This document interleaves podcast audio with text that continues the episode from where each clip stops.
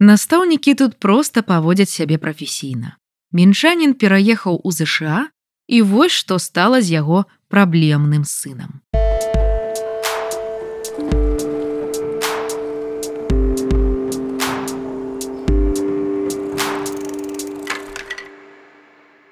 Паўтара тыдні таму мы расказвалі гісторыю мінскай сям'і, якая літаральна ваявала за сваё нязручнае дзіця са школай.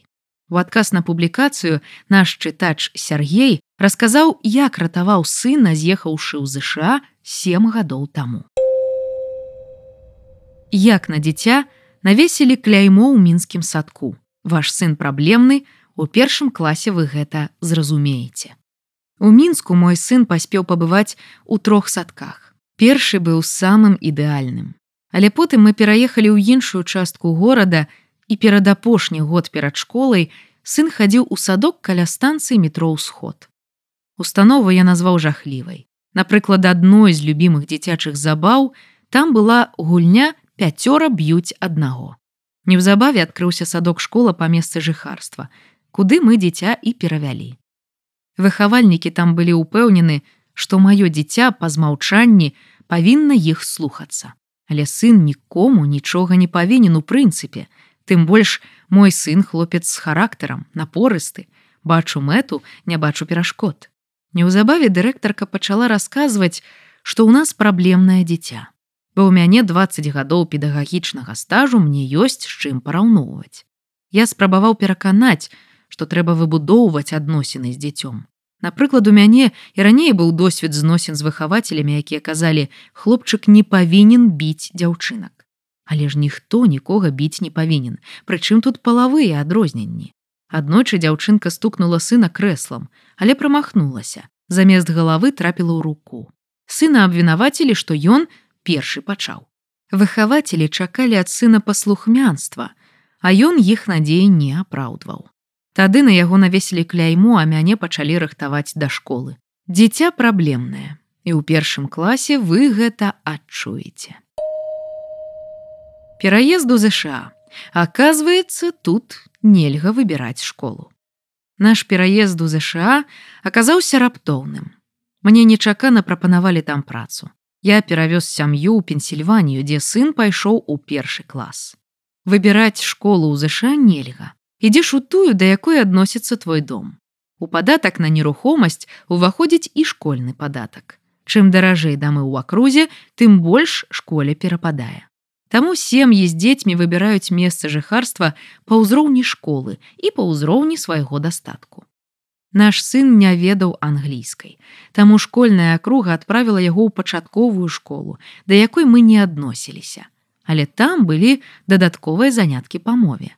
Гэта ў тым ліку дапамагае ў сацыялізацыі дзяцей, якія не размаўляюць па-англійску. За нашым дзіцём кожны будны дзень прыязджаў адмысловы школьны аўтобус як аказалася, школа дзейнічае ў інтарэсах дзяцей. Як дзіця адаптавалася да амерыканскай школы. Сын аказаўся хітрым. Праблемы, якія былі ў апошняй групе мінскага сада, вядома, ўсплылі. Дзіця парушала асабістыя межы, не бачыла праблемы кагосьці штурхнуць, Ён усё гэта бачыў і пераймаў у мінскім асяроддзі. З аднаго асяроддзя ён акунуўся ў зусім іншае, але па звыцы прымяняў правілы асяроддзя першапачатковага пражывання, плюс няведанне мовы. Мы два разы былі ў дырэктара. І мяне ўразіла прыязнасць педагогаў. Не было пазіцыі з дзіцём нешта не так.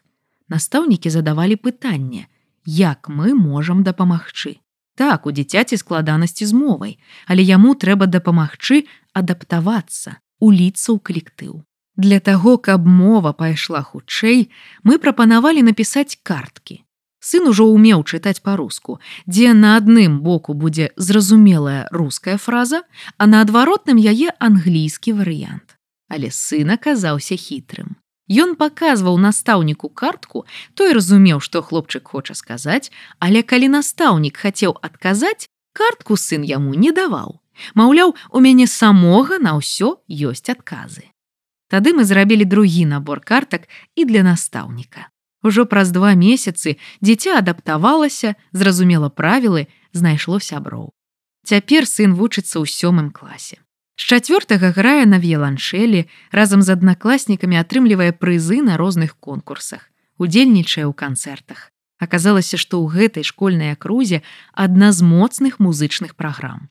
Нядаўна пазнаёміліся з сям'ёй з рассіі, іх дачка таксама пайшла займацца музыкай. Яна сказала з захапленнем: « Уяўляеце, яны тут нават інструменты дазваляюць кранаць. Як паводзяць сябе амерыканскія настаўнікі. Яны проста паводзяць сябе прафесійна. Нам пашанцавала з настаўнікамі.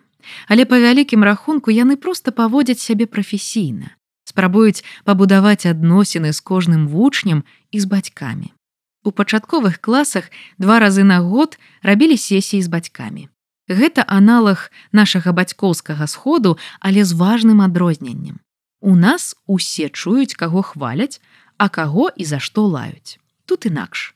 Кожнаму з бацькоў устанаўліваюць час, я прыходжу і размаўляю з настаўнікамі тэт-а-тэт пра сваё дзіця. Што добра, а што не вельмі, чую толькі я.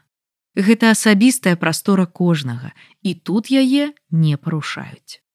Мне расказвалі пра яго тэсты, пра вынікі вучобы. Напрыклад, у сына былі праблемы з пісьмовай англійскай з пераказам. Мы дамовіліся з настаўнікам, што сын чытае кніжку і піша эсэ пра тое, што прачытаў. Дзякуючы гэтаму падцягнулася і пісьмо і мова, і так мы прывілі дзіцяці любоў да чытання. Дзяцей тут прынята любіць і песціць.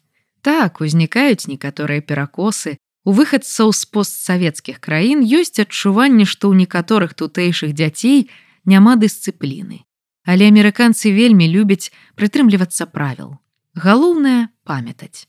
Твая свабода заканчваецца там, дзе пачынаецца свабода іншага чалавека. Тое ж самае тычыцца і правоў. Напрыклад, у школе нельга штурхацца і за гэтым пільна сочыць. Калі ў Беларусі настаўнікі могуць нейкія адносіны аддаць наводкуп вучням, то тут ёсць так званы завуч па выхаваўчай рабоце. Настаўнік, які працуе з эмоцыямі дзяцей. Калі ў цябе нейкая праблема, то ён умешваецца і дапамагае. Спецыяліст дапамагае дзецям зразумець іх эмоцыі. Да яго хадзіў і мой сын, калі ўзніклі праблемы. Яны размаўлялі пра тое, што хлопчык адчувае. Гэта мяне моцна здзівіла. Увага да эмоцый і пачуццяў дзіцяці. Я злуюся. Чаму? І што рабіць з гэтай злосцю? Увесь час ідзе праца з усвядомленасцю дзіцяці, каб яно разумела, што з ім адбываецца. Так спецыяліст дапамог сыну разабрацца з эмоцыямі і рэакцыямі, Агрэсія першым часам узнікала з замоўнага бар'ера. Сын не разумеў, таму і злаваўся. Чаму яшчэ вучаць у амерыканскай школе? Амерыканцы прытрымліваюцца правіл і гэтаму ж вучаць дзяцей. Вельмі мякка і прыязна нон-стоп нагадваюць аб правілах з дапамогай розных спосабаў. Ёсць і пакаранні. Напрыклад, сядзець у класе пасля школы. Нельга бегаць на пераменах. Для гэтага ёсць спецыяльна адведзеныя месцы, дзе даволі прасторы. Калі дзіця ўпала і паранілася, вам дадуць справаздачу, дзе апішуць кшталту ваше дзіця ўпала, падрапалася, мы далі яму пластыр. Калі дзеці пачынаюць дрэнна сябе паводзіць у аўтобусе, кіроўца аўтобуса мае права перасадзіць іх. Калі дзеці працягваюць сябе дрэнна паводзіць, могуць пазбавіцца магчымасці карыстацца школьным аўтобусам. Таму што школа абавязковая, а аўтобус прывілей. Тут вучаць дзяцей, як паводзіць сябе ў канфліктных сітуацыях. Што рабіць у выпадку булінгу, расказваюць, што гэта і чаму гэта дрэнна. Таксама ўдзяляюць час бяспецы. Тлумачыць дзецям, што даросламу нельга, а што можна. Змагаюцца са злачынствамі на сексуальнай глебе і крадзяжамі. Гэта самы вялікі страх некаторых выхадцаў з постсавецкай прасторы. Што гэта за сексуальная асвета? Раптам дзяцей будуць вучыць займацца сексам. Але секс-прасвет гэта пра цела. Пра тое, што з ім можна рабіць, а што нельга, што нармальна, а што не. Для кожнага ўзросту свая праграма. Колькі каштуе вучыцца ў амерыканскай школе. Мы плацім школьны падатак, які ўваходзіць у падатак на нерухомасць. Сума залежыць ад кошту дома. Для нас школьны падатак складае некалькі тысяч долараў у год. Дарэчы, прыватны садок для дзяцей да года каштаваў у 2021 годзе прыкладна 1200 долараў у месяц. Пасля каля 800 тысяч долараў. Прыватная школа каля 900. Абеду школьнай сталовай 2-3 долара ў дзень. У пачатку навучальнага года настаўнік рассылае спіс неабходнага для вучобы дзіцяці і спіс рэчаў для ахвяраванняў. Напрыклад, вільготныя сурвэткі і іншыя рэчы. Калі першы абавязковы, то другі не правяраюць. Кожны прыносіць столькі, колькі палічыць дастатковым ці магчымым. Часам школа аб'яўляе збор грошай, звычайна дабрачынны. Аднойчы збіралі на бегавую дарожку каля школы. Дзеці беглі дабрачынны марафон бацькі данацілі. Мы першы раз нават не зразумелі, што адбываецца. Наша дзіця пабегала, павесялілася, выдатна правяло час. За некалькі дабрачынных забегаў школа сабрала 30 тысяч долараў. Тут ёсць культура дабрачынных ахвяраванняў. І яны не добраахвотна прымусовыя. Ніхто не будзе потым казаць, а вось сям'я сідаравых не здала грошы. Была праграмай па зборы ежы для бедных сем'яў. Хто хоча і можа, нясе, але гэта не абязалаўка. Зборы ёсць, аднак арганізаваны яны зусім па-іншаму. Як дзіця ставіцца да школы. Ён не любіць канікулы. Тут дзеці любяць школу. Гэта не тая сістэма, дзе на цябе ціснуць, а часам і зневажаюць. Гэта месца, дзе весела і цікава. Сын пасля адаптацыі да амерыканскай школы не вельмі любіў канікулы. Яму было сумна. Нядаўна школьнікі пачатковых класаў намалявалі малюнкі. Настаўнікі зрабілі выставу, запрасілі бацькоў. Бацькі хадзілі па школе і разглядалі карціны. Школа тут улічвае патрэбы дзяцей. Дзяцей у школе ўспрымаюць маленькімі дарослымі. Гэта такія ж людзі. Я не гавару пра ўсе школы. Яны тут таксама розныя. У ЗША ёсць вельмі кепскія школы. Дабрабыт установы залежыць ад дабрабыту бацькоў, буйных прадпрыемстваў і штата.